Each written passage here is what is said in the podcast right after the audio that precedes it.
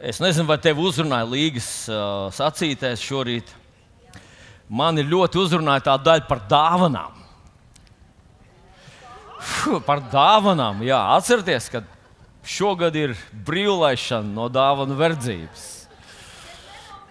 Tu vari tikai saņemt dāvanas, un nav nevienam nekas jādod. Atvērts dāvanām nezinu, jā, uz, jā, krekliņš varbūt jā, vai cepura varbūt jā, atvērts dāvanām un brīvs no verdzības. Jā. Uh, labi, es neizplūdīšu visādās blakus tēmās, priekš tam ir Ziemassvētku dievkalpojums vai ne. um, man, mans e, neliela atkāpīta Mans tēvs uzauga daudz bērnu ģimenē. Viņam bija diezgan daudz māsas, precīzi vairs neatceros cik, bet viņam bija viens brālis. Tas brālis bija vecāks. Viņa vārds bija Arvīts. Ir kāds Arvīts šorīt? Es mūsu radnieks Arvīts ir izbraucis, bet, uh, jā, redzat, redzams vārds. Jā. Tā tad uh, mana tēva brālis, vecākais brālis, bija Arvīts. Un viņš dzīvoja padomu laikos, tagad viņš jau ir mūžībā.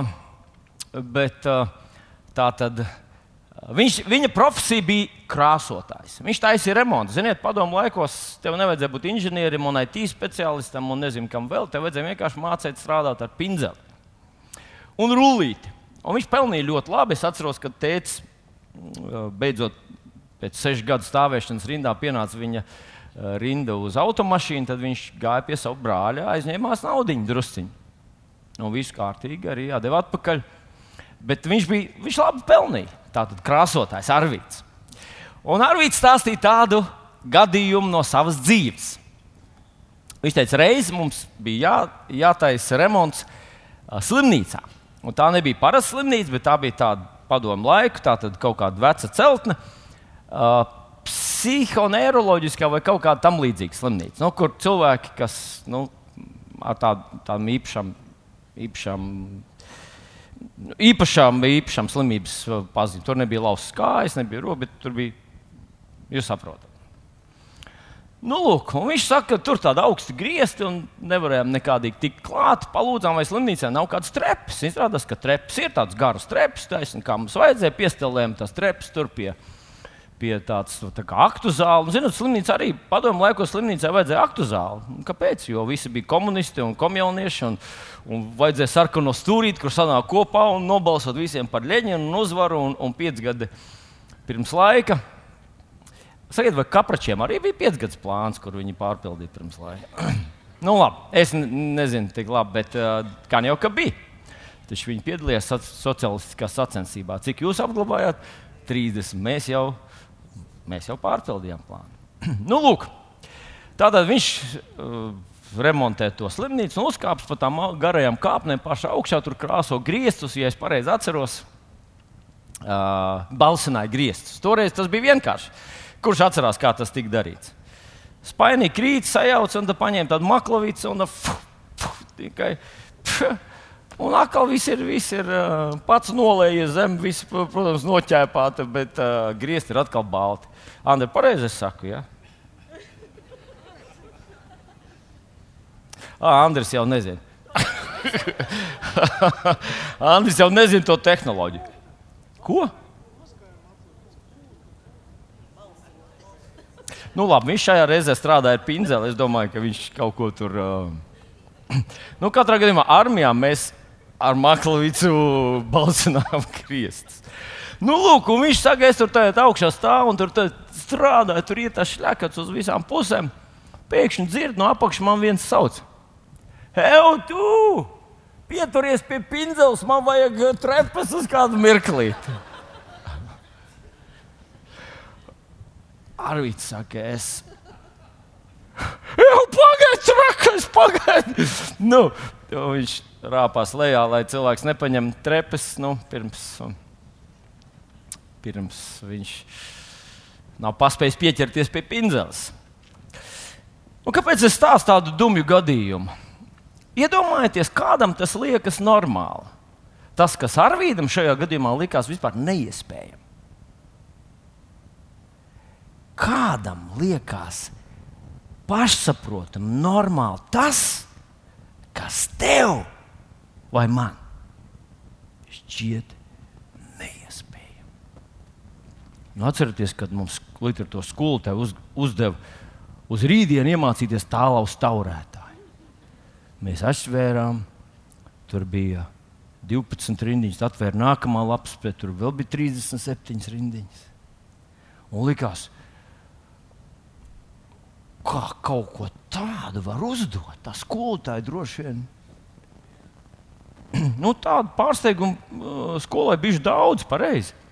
Atcerieties, kad bija jāliec pāri bukam fiskultūras stundā. Mans klases meitenes tikai reti no viņām, kur ticēja, ka tas ir iespējams izdarīt. To vienīgi nu, cilvēki ar, eņģi, ar spārniem var. Tev vajadzēja ieskrieties un palikties, un pa ceļam vēl vajadzēja atspērt. Nu, es esmu vienkārši, saprotu, es esmu dvēseles sportists. Es visas tās lietas labi zinu. Ja kāds ir šokēts, vai tu tiešām tā vari darīt, tas bija mūsu padomu skolā. Vardarbība vienā gabalā emocionāli var te lika lekt pāri bukam, un tad vēl daži liet, lec pāri zirgam. Buks bija tāds neliels, bet zirgs bija. Tur bija trīs reizes pa ceļam, nu, atspērties, lai tu beigās piezemētos tur.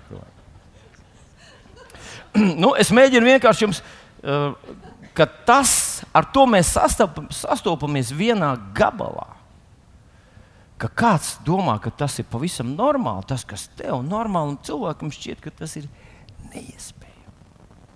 Bet vai jūs esat pamanījuši, kad jūs lasat Bībeli? Tad, lasot Bībeli, mēs tur konstatējam, ka vienā gabalā viss kaut kas ir tāds, kas tev tā kā, nu, par cik, par cik mēs kādreiz esam pieraduši lasīt nu, tādu pasaku grāmatas, Sezam, atveries.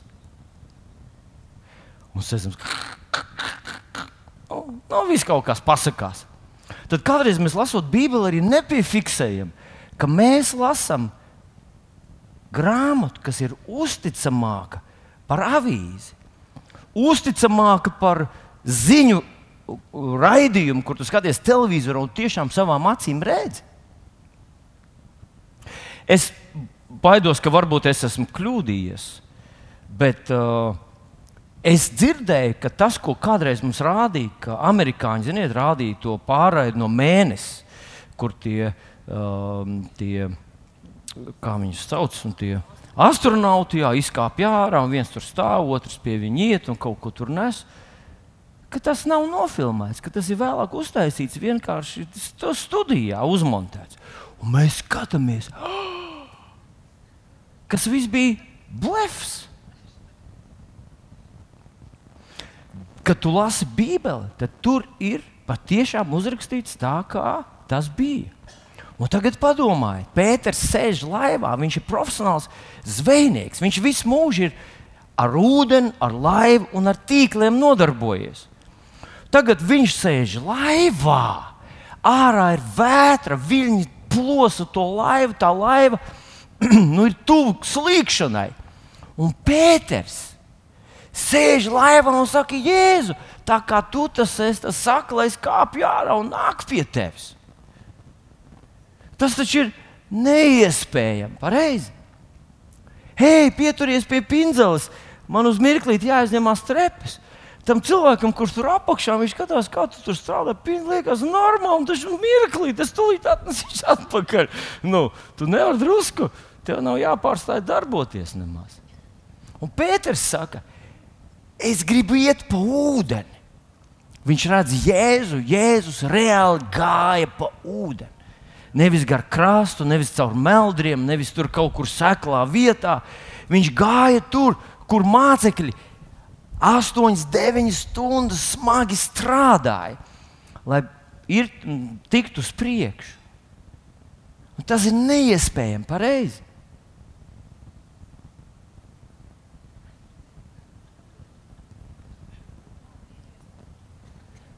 Tas ir iespējams, ja viņš ir staigājis. Mīļie draugi, šodien es gribētu ar jums paskatīties uz kaut ko, kas Bībelē ir uzrakstīts, ka tas ir normāli. Bet mums kādreiz rodas sajūta, ka tas ir kaut kas nu, tā no tādas nelielas pasaku grāmatas. Kaut ko mums tiek piedāvāts, stāstīts, un, un mums tas ir jāpieņem. Un, lai mēs to izlasītu, tev ir jāatver savu bībelīti vaļā, paņem lūdzu savu bībelīti un atver to romiešu vēstulītē, 8. nodaļā. Romiešu vēstulīte, 8. nodaļa.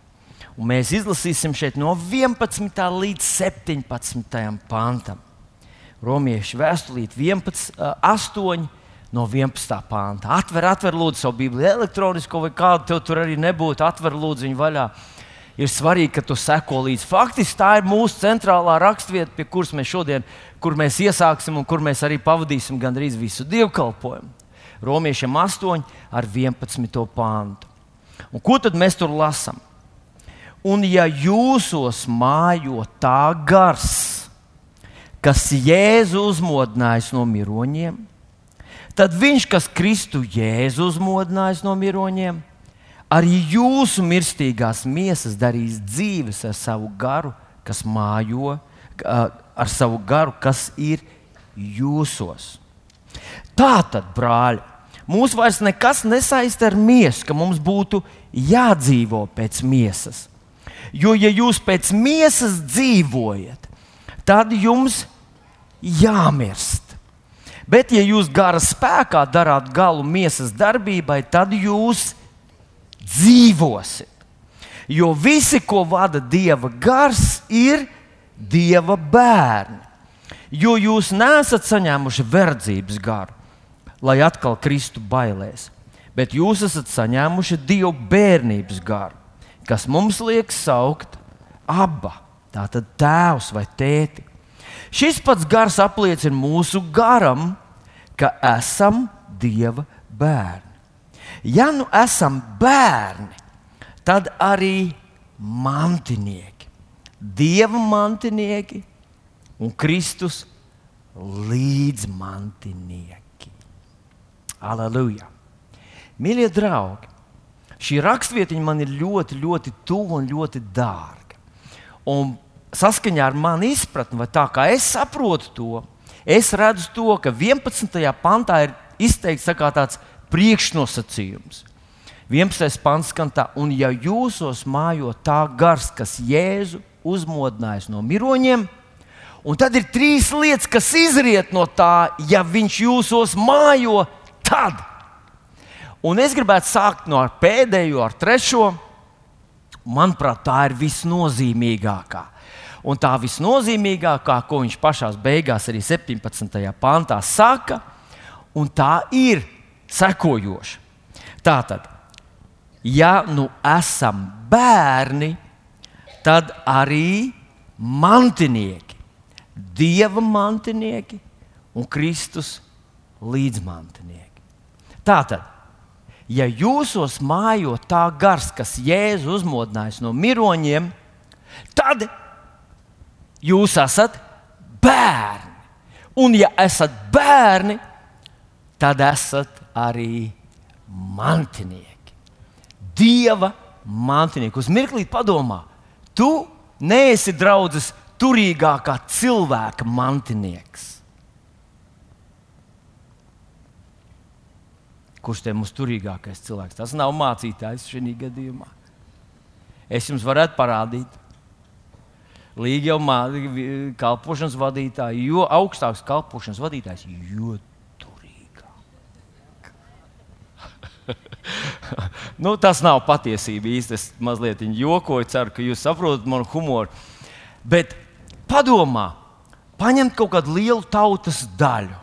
Un tajā noteikti ir kāds, kurš ir zemāk, tajā ekonomiskās, uz ekonomiskajām kāpnītēm, un kāds, kurš stāv pašā, pašā augšā. Un tu esi mantinieks tam, kurš stāv tur visaugstāk. Ko tas nozīmē? Tu sāc pie sevis domāt. Bet te nav rakstīts, ka tu esi kāda turīga cilvēka mantinieks. Tur ir rakstīts, Dieva mantinieks. Dieva mantinieks. Halleluja! Bet nu, sāksim ar bērniem. Bērni.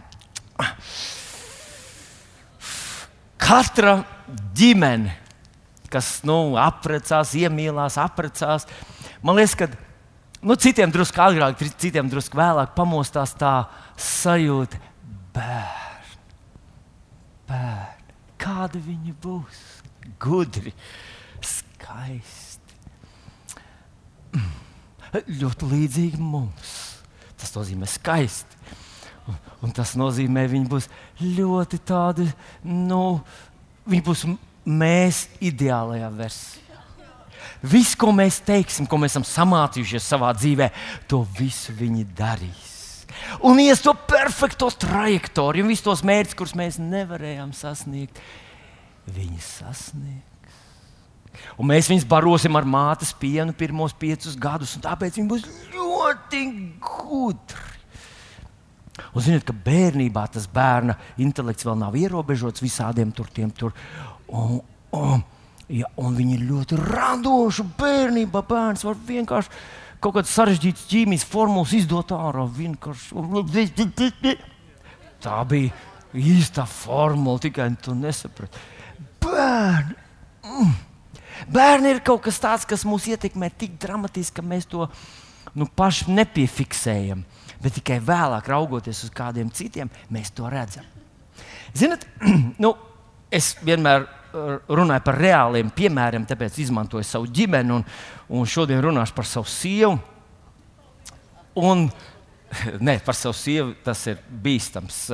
Jūs saprotat, jo, jo es, vēl, ne, ne, es vēl īsti viņu, es viņu cenšos iepazīt, un, un domāju, ka jau pirmo, pirmo nodaļu tajā biezajā grāmatā esmu kaut cik izlasījis, pārlasīšu vēlreiz, vai neesmu kaut ko palaidis garām.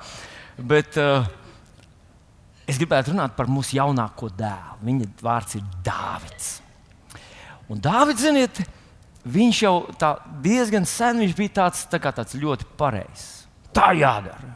Šitādi. Konkrēti un īsi. Jā. Un viņš tā nevarēja saprast, kāds tur, tur ar tiem bērniem nevar, ko tur nevar. Tur bērnu nu, liek gulēt, un viņš guļ. Bērnam pasaka, tagad jāēd, un viņš ēd. Nu, perfekts tēvs.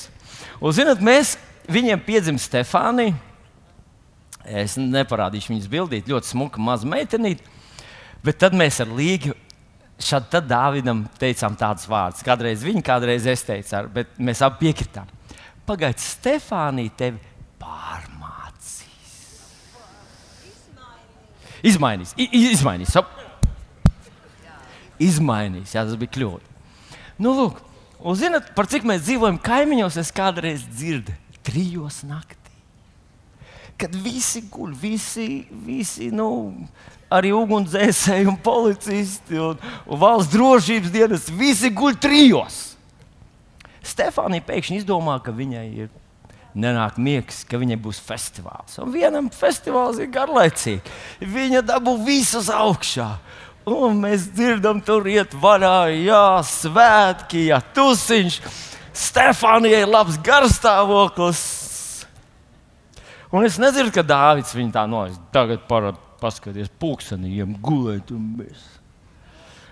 Dārvids ar tusē ar Stefāniju. Un viss ir kārtībā. Ir kaut kas bērnos tāds, ka viņi mūs atbruņo, viņi izdara mums to, ko neviens neviens mūsu priekšnieks nav varējis izdarīt, mūsu vecāki ar mums nevar izdarīt, mūsu skolotāji un policisti uz ielas nevar izdarīt to, ko Stefānija var izdarīt ar saviem vecākiem. Nu, es atceros, nesen es braucu ar Eliotu, vedu viņu uz tādu nu, bagāžnieku ritenim, un es turu rokā ar riteni. Un es tur rokā telefonu filmēju viņu, un filmēju sevi, un domāju, aizsūtīšu Eliotu mammai. Nu, Es kā ups vizinās ar, ar mazdēlu. Un Eliots man saka, noliec telefonu. Man atkārās žoklis. Es iebraucu zālē, viņš pa zāli nebrauc. Viņam, viņam tikko trīs gadi palika. Noliec telefonu un pa zāli nebrauc. Un jūs man neticēsiet. No sākuma aizvainojās mans uh, opija, nu, pašlepnums. Tu, tu nemāki burbuļsakti, pasaki, rrr.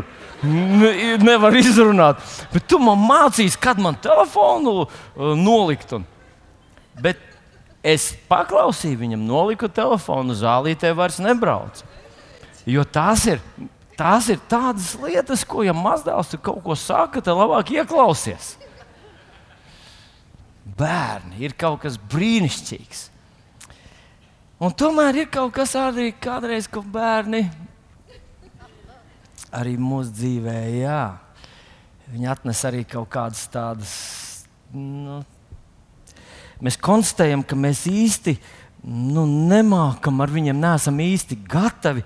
Un man jāsaka, man tagad es esmu opis, un tagad man ir tāds sajūta, ka es laikam būtu gatavs savam pirmajam bērnam. Bērni atklāja Varbūt arī mūsu pašu kaut kādas vājās vietas, arī to, ko mēs paši esam darījuši kļūdas. Un pēkšņi, kad mēs to ieraugām savos bērnos, tas liekas tik sāpīgi, tik biedējoši. Mums biedē doma, ka tos aplamos ceļus, kurus esam iztaigājuši, mūsu bērni vēlreiz ies. Un priekš tam, protams, ir ticība un lūkšana, priekš tam ir draudzība ar mūsu bērniem un, un vēlēšanās kalpot viņiem. Mums ir jākalpo saviem bērniem ar savu piemēru un ar savu mīlestību un ticību. Bet tomēr bērni ir kaut kas tik ļoti īpašs.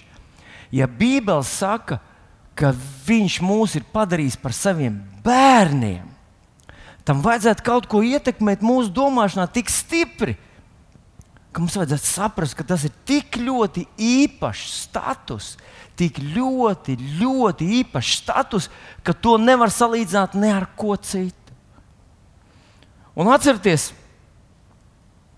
kad Jēzus iznāk no kristību Jordānas, tad no debesīm atskan balss. Tā ir tēva balss.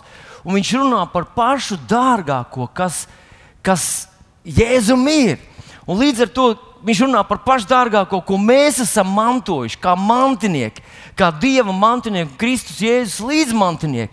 Viņš saka, šis ir mans mīļais dēls, vai mans mīļais bērns, vai mana mīļā meita. Šis ir mans mīļais bērns. Uz viņu man ir labs prāts. Bērns. Atcerieties, Lūkas evanģēlijā, 15. nodaļā, Jēzus mums stāsta kādu līdzību, bet viņš runā par Dievu un attiecībām ar cilvēkiem. Lūkas 15. nodaļā viņš saka, tā, kādam tēvam bija divi dēli. Un atcerieties, ko jaunākais izdarīja. Viņš vienā dienā, kad viņš bija palicis pilngadīgs, viņš atnāca pie tēva un teica: Tēvs, dod man to, kas man pienākas. Dod man to, kas man pienākas. Un es gribu iet prom no tavas mājas. Un tā vien šķiet, cilvēkam, kuram nav bijuši bērni, viņam tā vien šķiet, ka tu varētu pateikt bērnam, da nekas tev nevienākas. Kas tu tāds vispār esi? Ko, ko tu te gribi? Un teikt viņam, hei, nu, mēs pat suni tā nevaram, pareizi. Pat sunim mēs pieķeramies. Nu, varbūt kādu jaunu strādnieku, ja tev ir daudz strādnieku, viņš ir izturējies tur no, nolaidīgi un kaut kā vēl, tad tu vari teikt, tā, ko gribi iet prom, nu, lasies. Bet bērns saka, dod man to, kas man pienākas. Un Jēzus runājot par Dievu, saka, ka Tēvs tajā pašā dienā sadalīja mantus ar abiem dēliem un iedeva tam puikam to, ko viņš gribēja, zinādams, Kas ar to bērnu notiks? Padomājiet, bērns pieprasa savu mantojumu, un Dievs Tēvs saka, tu to gribēji, te tas ir. Un viņš aiziet prom. Mēs, protams, zinām, ka viņš izdarīja aplam, ka viņš tur pazaudēja visu, ka viņš konstatēja, ka viņam draugi ir tikai, nu, kā mēs latvieši zinām, to sakām vārdu, pie pilnas bļodas. Beigās viņš palika viens, bet bija viens dēls, kas palika mājās un neaizgāja līdzi, vai ne? Tas palika pie tēva un strādāja. Bet vai jūs esat piefiksējuši to sarunu, kas tur norisinās tālāk? Šis dēls, kurš aizgāja un izšķērdēja un pazaudēja visu, Viņš nekad savam tēvam neko nepārmet. Bet tas, kurš palika mājās pie sava tēva, tad, kad atnāca jaunākais dēls atpakaļ, viņš viņam sacīja tādus vārdus, kurus droši vien mēs visi zinām no galvas. Tēvs, es esmu palicis pie tevis, tik daudz gadus esmu tev kalpojis, un nekad neesmu pārkāpis tavu bausli. Un tad viņš saka tālāk, un tu nekad man neesi iedevis pat kazlēnu, lai es varētu līksmoties ar saviem draugiem. Viņš palika mājās. Tas mantojums bija sadalīts starp dēliem, arī viņam bija konkrēts mantojums. Un tomēr viņš saka, Tēvs, tu man nekad neko neiedevi. Un tad tēvs atbild tos vārdus. Ko, ko jūs būtu atbildējuši viņam? Nu, ko tēvs, mūsdienu tēvs, es uzdrošināšu savu versiju ieteikt. Ko teiktu mūsdienu tēvs? Ak, dēli! Man neienāca prātā. Es taču nezināju, vai tu nezināji, kāpēc tu to nedarīji? Tur nekā tam nu, neņēmi. Tur nekā tam līdzīga nav. Tēvs vienkārši saka tādus vārdus: Dēls, tu ar vienu esi bijis pie manis. Un viss, kas ir mans, kā ir tālāk, ir arī tavs. Viss! Tēvs pie tā apstājās. Un es esmu pārliecināts, ka tas nav uzrakstīts tur tā puiša dēļ, ka tas tur ir uzrakstīts mūsu ar tevi dēļ, lai mēs apzinātos, ka mēs esam bērni. Ka mēs esam, ja bērni, tad arī mantinieki. Ir interesanti, kas, kas ir uzrakstīts 16. pantā. Turpat romiešiem 8, 17. bet, ja bērni, tad arī mantinieki, kas ir uzrakstīts 16. pantā. Un 16. pantā ir rakstīts, atcerieties, sākās 11. Ja jūsos mājo tā gars, kas jēzus uzmodinājis no miruņiem, tad 16. pantā ir teikts, šis pats gars apliecina mūsu garam, ka esam Dieva bērni. Zinat, ko, kāpēc tur tas ir uzrakstīts? Jo lielākā daļa no mums nesaprotam, ko svētais gars mums saka. Un tur ir uzrakstīts tulkojums. Nu, gluži kā tu kādā vārnīcā meklē, ko nozīmē tie vārdi, kurus, kurus tu pats nesaproti. Un tad tu izlasi tu, tulkojumā, ka tie vārdi nozīmē, tu esi mans bērns. Ugh, bērns! Tas nozīmē, ka es varu trijos naktī trobelīt augšā tevi, un man nav jājūtās vainīgam par to. Ja es pamodinātu savu dēlu ģimeni trijos naktīs, visu nākamo nedēļu staigāt vainas sajūtā un domāt, kā lai izpērk to savu grēku. Stefānijai nekāds vainas sajūts. Viņa var divreiz naktī to izdarīt. Viņa ir bērns.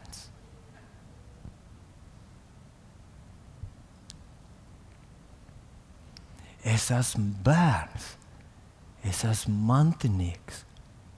Un viņš tos vārdus, ka viss, kas ir mans, ir tavs, pateic man. Pie tēva nav aizturs.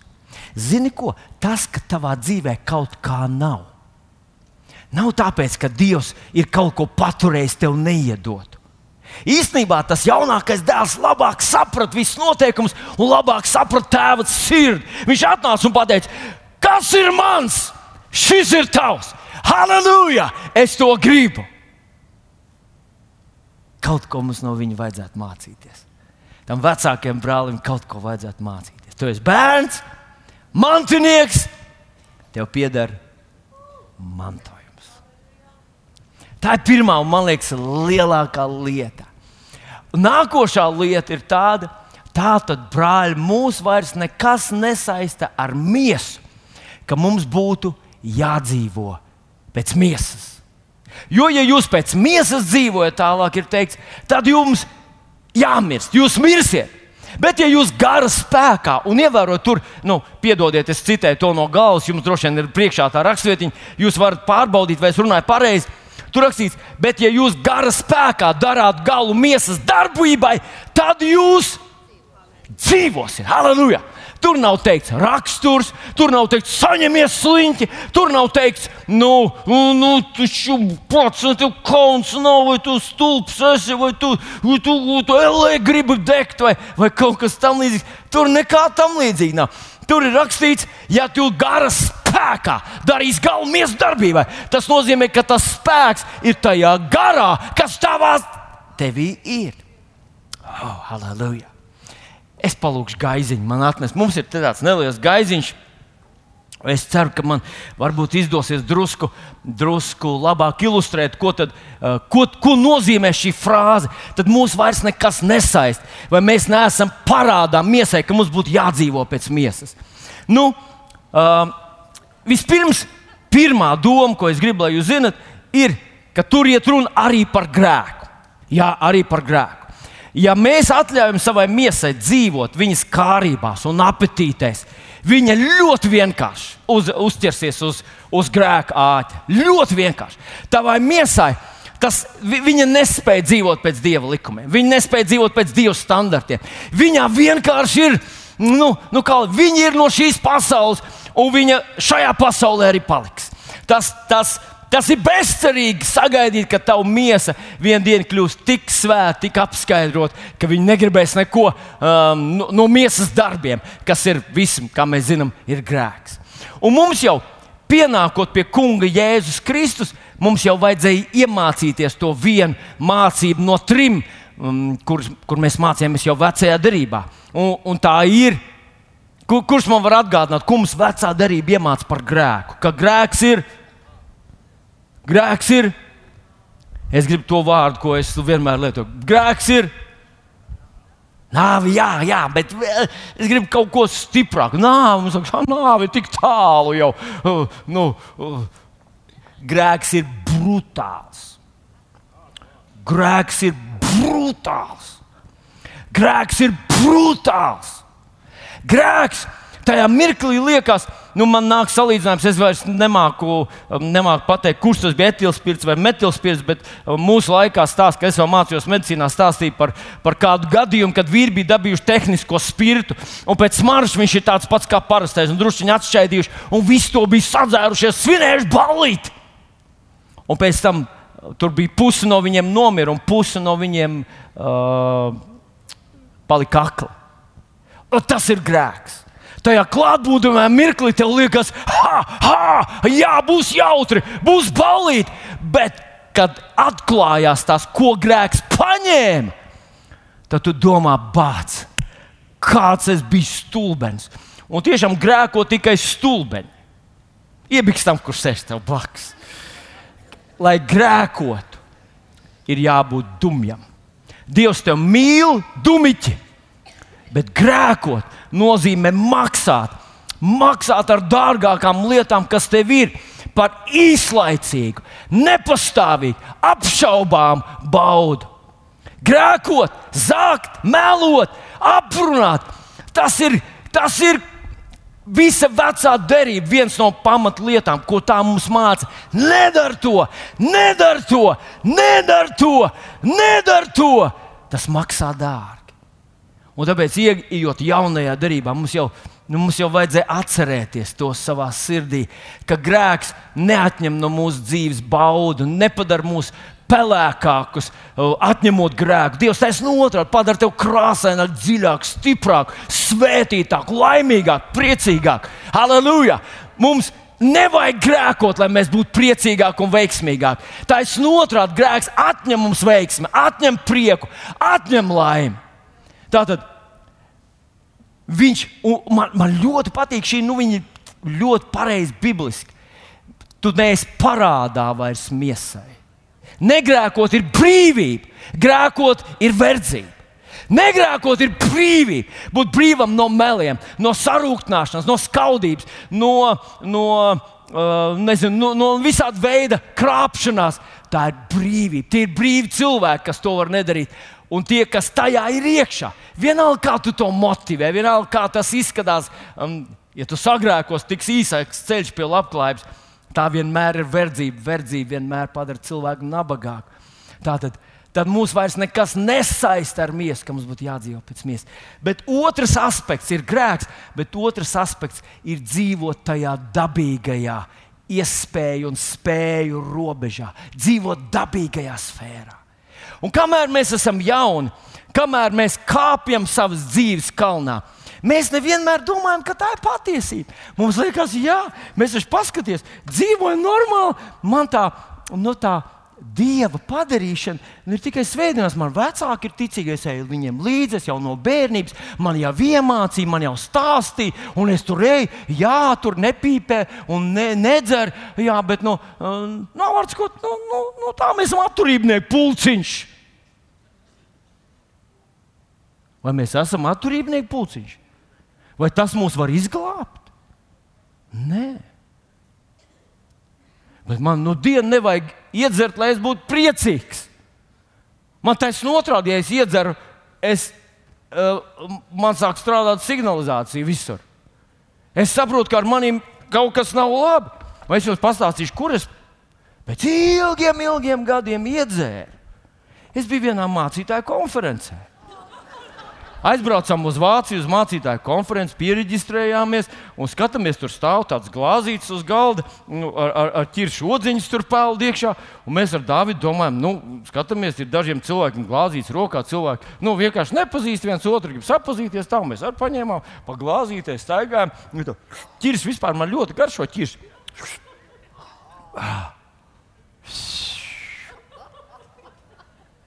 Nu, nebija tik traki. Es, es vārdu, tad dzers indīgas zāles, un tas tam neko nekaitēs.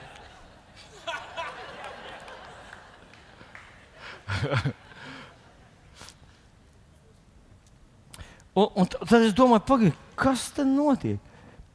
Es jums izstāstīšu vēl starp citu. Eiropā kristietība virzās ļoti tādā pareizā gultnē, ko daļa kristietības.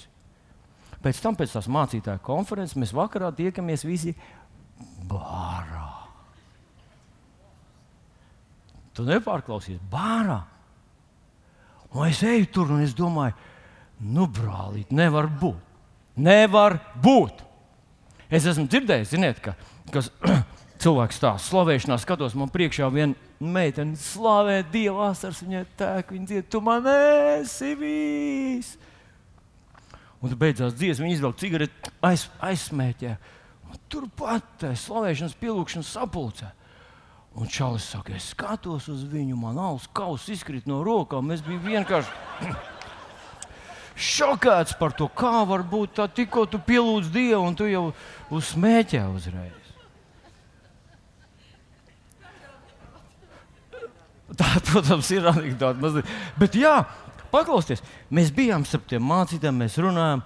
Un es skatos lielām acīm, vai tiešām viņu, jā, vīri, iekaist vaigi, paliek sarkani, visi runā un stāsta un, un runā par lieliem dieva darbiem un smējās.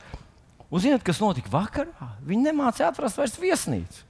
Vienīgie, kas bija skaidri, mēs ar Dāvidu vedām visu to grupu. Mēs arī bijām pirmo reizi tur, kā mēs izdarījām pamatīgā ekskursijā. Aizvedām uz viesnīcu. Ko es ar to gribu teikt? Es domāju, ka šis pants mums ir jāapgūst pirms šī Eiropas apskaidrotais garīgums atnāk pie mums. Es ieliku pēdiņās to visu. Pirms tas brīvs, svētais, īpašā tā brīvība garā Es negribētu redzēt mācītāju, savu mācītāju bārā. Vienalga, kur viņš iegājis tur uz labierīcībām. Es nezinu, lai viņš pie, ārā pie parkā pie stūra to izdara, bet ne pārā to darīt. Es negribu viņu tur redzēt. Manuprāt, tas ir nepareizi. Manuprāt, tas ir vispār šķīvi. Tik daudz ģimeņu ir izpostīts, tik daudz spilgtu vīriešu, politiķu, mākslinieku, tik daudz goda vīru ir pazudinājis šī riebīgā dzīve. Mēs nevaram ar to flirtēt. Un, ja tu domā, ka tu vienīgais spēj ievērot mēru, tu jau esi sasaistīts. Es atceros, ka es mācījos, kad es pabeidzu medicīnas skolu, es aizgāju uz. uz es aizgāju uz narkotikas dispanseru. Un pirmajā lekcijā, jau, ko es tur dzirdēju, ko man mācīja, tur cilvēks, kurš iedzer gadā dažos svētkos, ir kronisks alkoholiķis. Es domāju, pagaidiet, vai jūs, vai jūs pareizi? Jā, ja cilvēks iedzer gadā regulāri kaut kādos svētkos, ir kronisks. Un tas ir laika jautājums. Viņš kļūs par neglābjamu alkoholiku. Neflirtē ar to pat ne tevis dēļ, ne debesu dēļ. Varbūt, ka tu aizies uz debesīm, pat ja tu iedzers šādu un tādu. Bet tu sačakarēsi savu bērnu dzīvi, savu ģimenes dzīvi, savu tautas dzīvi. Tu atbalstīsi tos cilvēkus, kas nav tev draudzīgi. Ja tu naudu noziedos šeit, aiziet dieva darbam un strādās vēl dieva darbā, kad tu jau būsi miris. Bet tā nauda, ko tu ielēji alkoholā, viņi indēs citus arī tad, kad tu jau būsi miris. Nedari to. Ar to neflirtē. Tas nav joks, tā nav brīvība. Tas ir kaut kāda apmācība. Un domāju, ka hei, mums vajag saglabāt savu skaidro prātu. Tā ir privilēģija un nevis trūkums, ka tu esi skaidrā, ka tu priecājies skaidrā, ka tu mīli skaidrā, ka tu māci skaidrā, ka tu domā skaidrā, ka tu vispār kalpo Dievam skaidrā. Vai tas nav brīnišķīgi? Ko?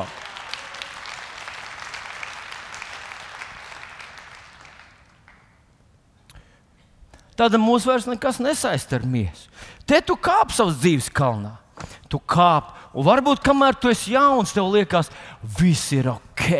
Ar maniem būs savādāk. Skatos uz savu tēvu, savu mātu, savu veco vecmāmu, un vēl dažiem citiem, un tu domā, viņiem jau viss, nu, viņi jau nav tādi gudri kā es. Es jau es esmu piesardzīgs, es varu būt šitā un tā, visādi man tāda visādi gājiena, un es jau zinu, kas būs perspektīvas rīt neko tu nezini. Varbūt tu mācies par IT speciālistu šodien. Iespējams, ka rīt viņus nevajadzēs. Ko tad vajadzēs? Es būšu tas, ko vajadzēs. Lai Dievs dod tev. Dievs ir devis tev visu cilvēku. Es ticu, ka ir ļoti daudz dažādu līmeņu spējas. Mums ir milzīgs spējas pielāgoties, pakārtoties, apgūt kaut ko jaunu. Tikai viens lietas, kas pietrūks parasti - ticība cilvēks salūst kaut kur pusceļā. Bet pat ja tu savas dzīves laikā tu tikai kāp savas dzīves kalnā, tad kaut kad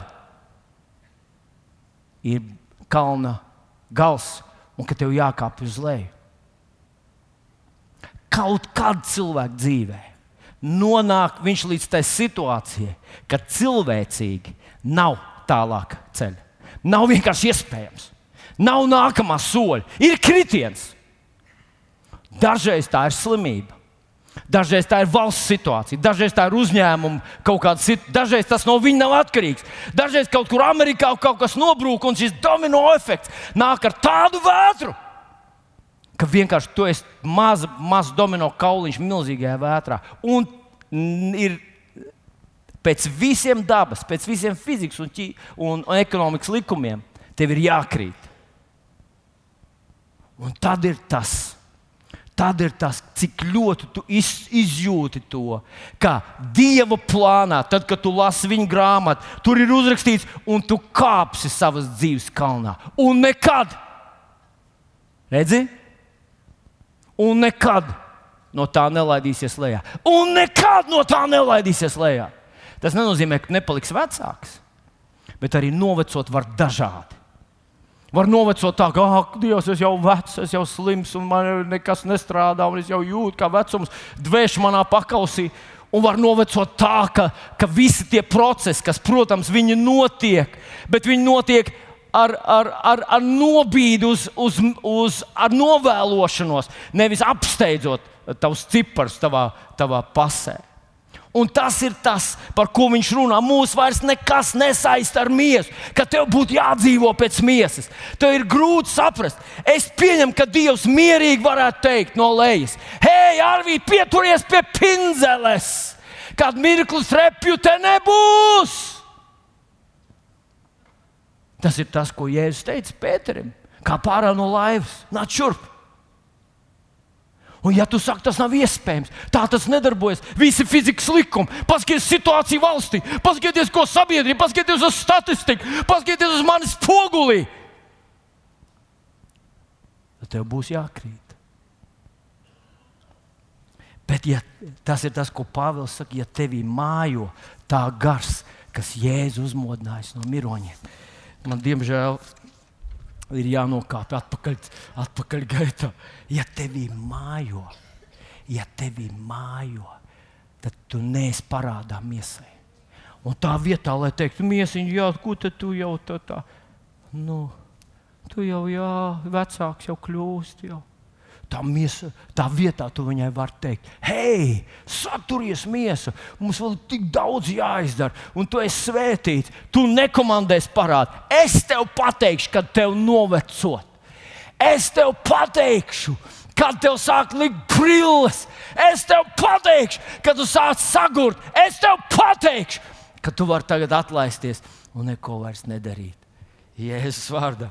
Ja tevī mājo tas gars, kas Jēzu uzmodinājis no miroņiem, tad viņš, kas Kristu Jēzu, eh, tad, tad brāļi, mums vairs nekas nesaista ar miesu, ka mums ir jādzīvo pēc miesas. Un tad pēdējais ir, uh, ir pirmais. Ja jūs esat mājo tā gars, kas Jēzu uzmodinājis no miroņiem, tad viņš, un tad tur ir iestarpinājums, un tas, tas, tas, protams, ir garāks stāsts, un tas ir uzmanīgāk priekš uzmanīgākiem pētniekiem.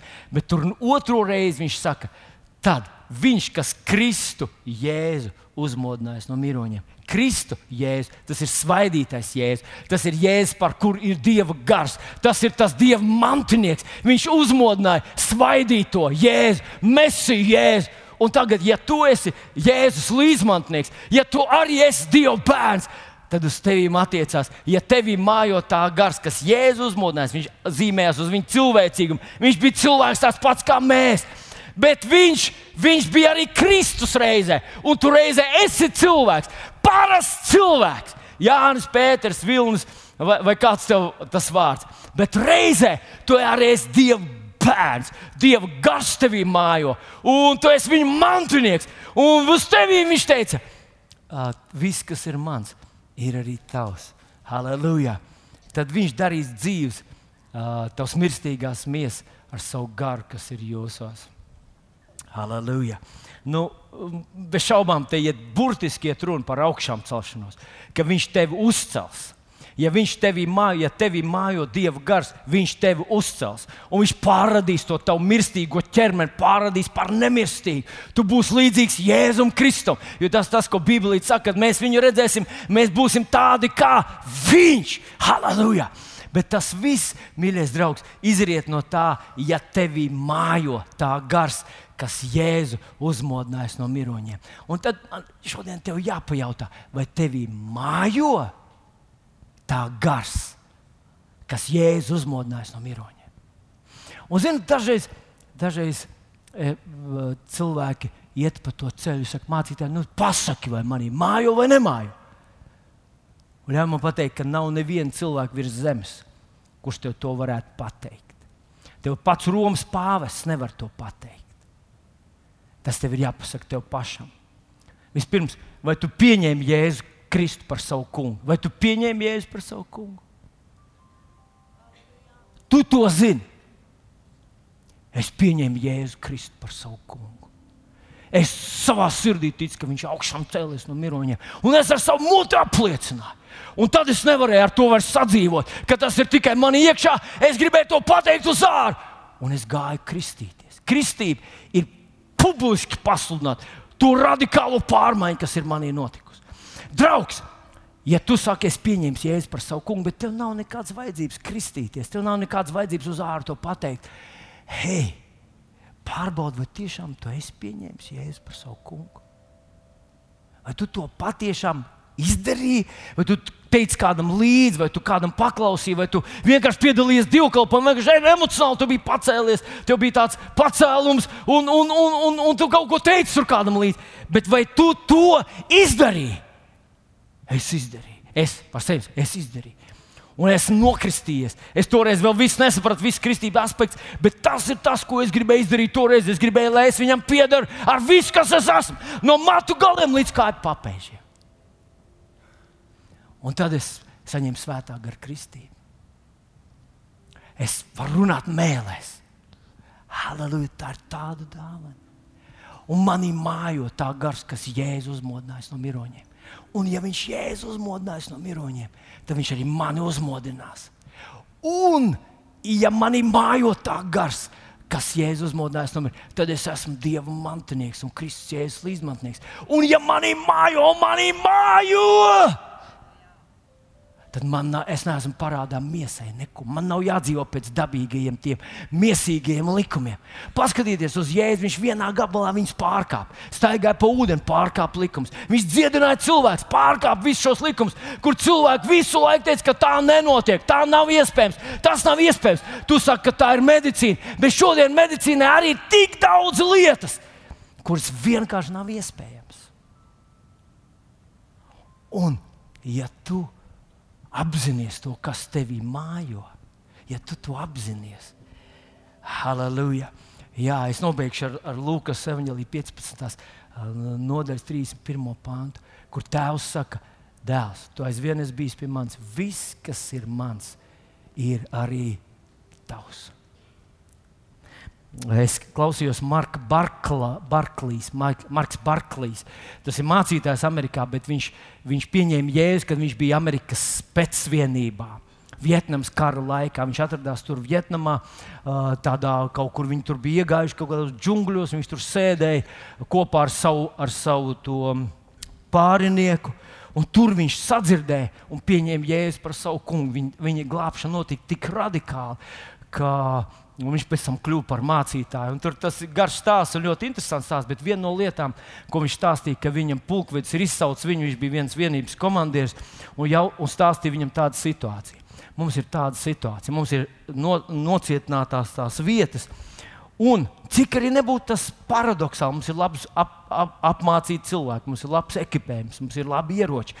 Bet kā vien uzbrukt tie vietējie, un tas bija Vietnams karš, tam mums ir ļoti daudz uh, zaudējumu. Ļoti liela zaudējuma. Cilvēki krīt. Kas notiek? Kāpēc viņi notiek? Paklausies, tev tas jānoskaidro. Mēs nevaram atļauties vairs pazaudēt tik daudz cilvēku. Un tad viņš saka, uh, es iekāpu helikopterā un mēs devāmies uz to, uz to vienu no tiem punktiem. Un viņš saka, mēs nolaižamies tajā, tajā no, nocietinātajā vietā, un es no augšas skatos un es redzu kāpēc mums ir tik daudz zaudējumu. Viņš tikai skatos, tur ir sakarināts bruņa vestes, žāvējās saulītē, tur ir zābaki salikti, no cilvēki atpūšas, uh, ventilē kājas. Sa, s, uh, Ieroči ir sastutēti tādā kaudzītē. Un viņš saka, es atgriezos pie pulkveža. Es teicu, zini, ko mūsu varbūt ir labākais pasaules ekipējums, mums ir labākie ieroči. Mūsu puiši ir apmācīti kā neviena armija visā pasaulē, bet viņi to nedzīvo. Un tāpēc ir tik daudz zaudējumu. Un zinat, ko? Tas ir kaut kas, ko mēs redzam pie tā vecākā dēla. Viņam viss piederēja, bet viņš neko no tā neņēma. Kaut kas viņā, kaut kā viņš tā bija iekapsulējies, viņš domāja, ka, ka tā ir tēva atbildība viņu padarīt laimīgu. Viņam vajadzēja tā kā tam tam jaunākajam teikt, Tēvs, man pieder dziedināšana, es to gribu, es pieņemu savu dziedināšanu, es lietoju savu dziedināšanu, tas ir mans mantojums, mans likumīgais mantojums. Es esmu bērns tavā namā. Un vienalga, kāda tā situācija ir, nebūtu nevienalga, kurā vietā arī tu nesāki. Varbūt ne no paša sākuma, varbūt ne ļoti precīzi, ne ļoti teoloģiski pareizi, bet ja tas ir tavs mantojums, tad tev kā bērnam tas pienāks. Jānis 3.16. Viņš saka mums, jo tik ļoti Dievs pasauli mīlēs, ka Viņš deva savu vienpiedzimušo dēlu, lai neviens, kas viņam tic, un tur tas vārdiņš tic, ir tagadnes izteiksmē. Nevis ticēja, nevis ticēs. Tas ir kaut kas, ar ko mēs dzīvojam katru dienu. Dievs ir manī. Dievs man palīdz, ej uz darbu, un es saku, svētais gars manī māju. Tas kungs man palīdz. Es esmu svētīts, un varbūt man bija neveiksmīga diena. Es nesaku, ka man ir neveiksmīga diena. Jo man pieder. Bībelē ir teikts, ka Dievs saka, mans ir zelts un sudrabs. Ziniet, ko es varu teikt? Es varu teikt, ka man pieder zelts un sudrabs. Ne viss, protams, bet liela daļa no tā ir mani. Kāpēc? Tāpēc, ka manam tēvam tas pieder, un es esmu mantinieks. Halleluja! Tas nozīmē, ka man nevar būt neveiksmīga diena, ka pats neveiksmīgākais kristieša dzīves sižets pats mans neveiksmīgākais dzīves sižets. Ja es visu palaidu garām, visu sačakarēju, visu pārprotu, ir simt tūkstoši reizes veiksmīgāks nekā visveiksmīgākiem bezdieviem. Un tā man būtu jāsteigā ar pateicību, ar prieku. Man būtu jāsteigā ar šo apziņu, ka Dievs man palīdz, ka es esmu svētīts, ka manī mājo tā gars, kas Jēzus uzmodinās no miroņiem, un ar maniem nenotiks pēc visiem šiem dabīgiem likumiem. Jo viss, kas ir viņa, ir mans. Un es šodien gribu teikt tev, draugs, tev vienreiz jāpieņem lēmums, vai tu esi mantinīgs vai nē. Tev vienreiz jāpieņem, ko tu darīsi ar to savu mantojumu. Vai tu to pieprasīsi, vai tu to lietos, vai tu izturēsies tā, it kā tas ir tavs. Vai tu dzīvos tajā ticībā, vēl te ir uznācis augšā. Vai, un tagad es, es nobeigšu. Ah, es nezinu, iespējams, ka tu to redzēji, tad tas būs, tad, tad piedod, tā būs zināma atklāsme. Paklausies! Dievs radīja visu pasauli, visu kosmosu un visumu, vai ne? Viņš zina sauli. Viņš var mierīgi aiziet uz sauli un, un apskatīties, kā tur viss tās gāzes deg, sprāgs, tur tāds karstums. Nu, labi, atgriezīsimies uz zemes. Dievs var, ir radījis neagāru ūdenskritumu. Kurš ir bijis neagārā? Kurš ir redzējis to? Aha, dažas rokas ir. Nu, tas ir masīvs ūdens gārās lejā. Dievs ir redzējis lielo kanjonu. Viņš to radīja. Kurš zina, kas ir lielais kanjons? Nu, apmēram kā, kā tērvete, tikai, tikai drusku lielāks. Tas ir kaut kas neiedomājams, milzīgs. Bet tagad skaties, kad Jēzus staigāja pa zemes virsmu. Viņu pārsteidza. Vienīgā lieta, kas viņu pārsteidza, bija divi cilvēki, kuriem bija ticība. Un viņš apstājās, un tu vari skatīties, ka tas ir Dievs. Viņš teica, ko es daru, to Dievs dara. Dievs apstājās pie romiešu virsnieka, kurš teica, Jēzu, viena tavu vārdu ir pietiekama, lai mans mirstošais kalps saņemtu dziedināšanu. Viens tavs vārds ir pietiekams. Un Dievs, kurš nebrīnās par Niagāras ūdenskritumu, ūdenskritumu, nebrīnās par lielo kanjonu, nebrīnās par sauli, nebrīnās par klusu okeānu, par visiem vaļiem, visiem tiem šmaļiem un, un, un, un, un visām tām pūtēm, par kurām mums atkārto žoklis. Un viņš apstājās un saka, wow! wow. Tu zini, kas ir cilvēkā.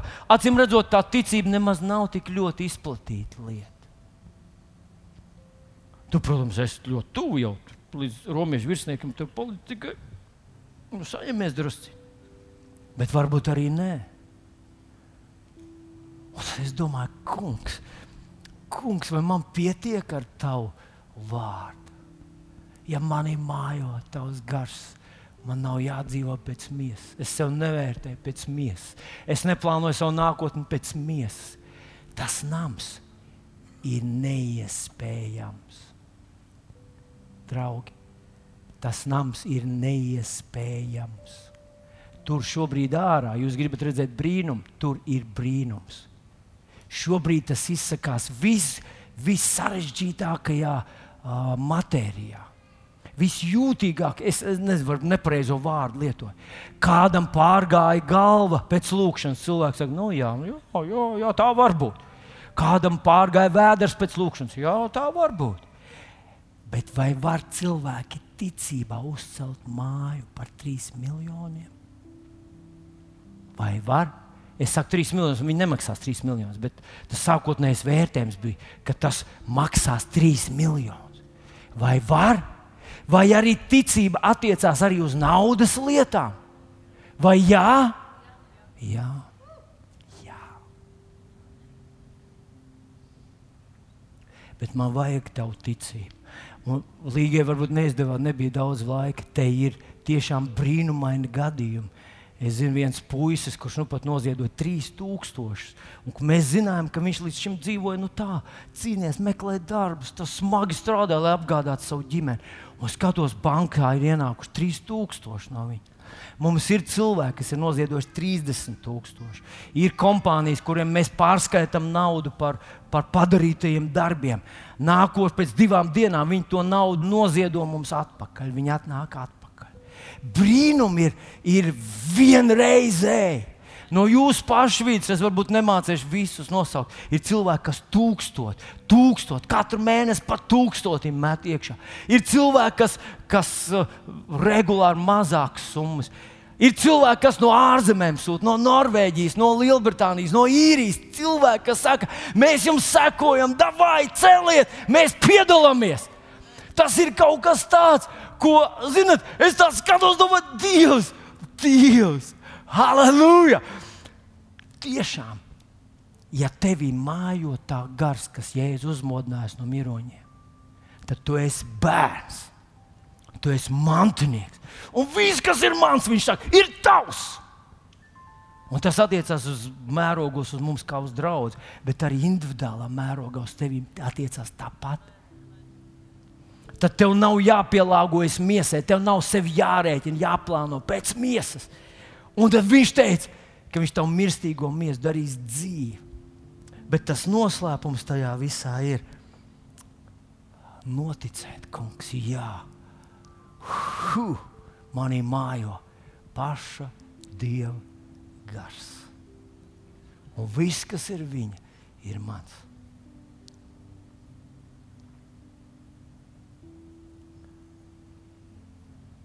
Ak, kungs, aizvērciet savus acis lai piecelsimies kājās labāk. Tēvs Dievs.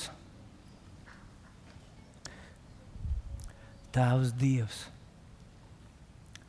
Tēvs Dievs. Abba. Paldies Tev. Mēs neesam kļuvuši par attāliem radiniekiem. Vienkārši kaut kāda tāda, tāda debesu civilu iedzīvotāja vai kaut kas tam līdzīgs ka tu esi mūs padarījis par bērniem. Un tu esi savu garu ielicis katrā no mums.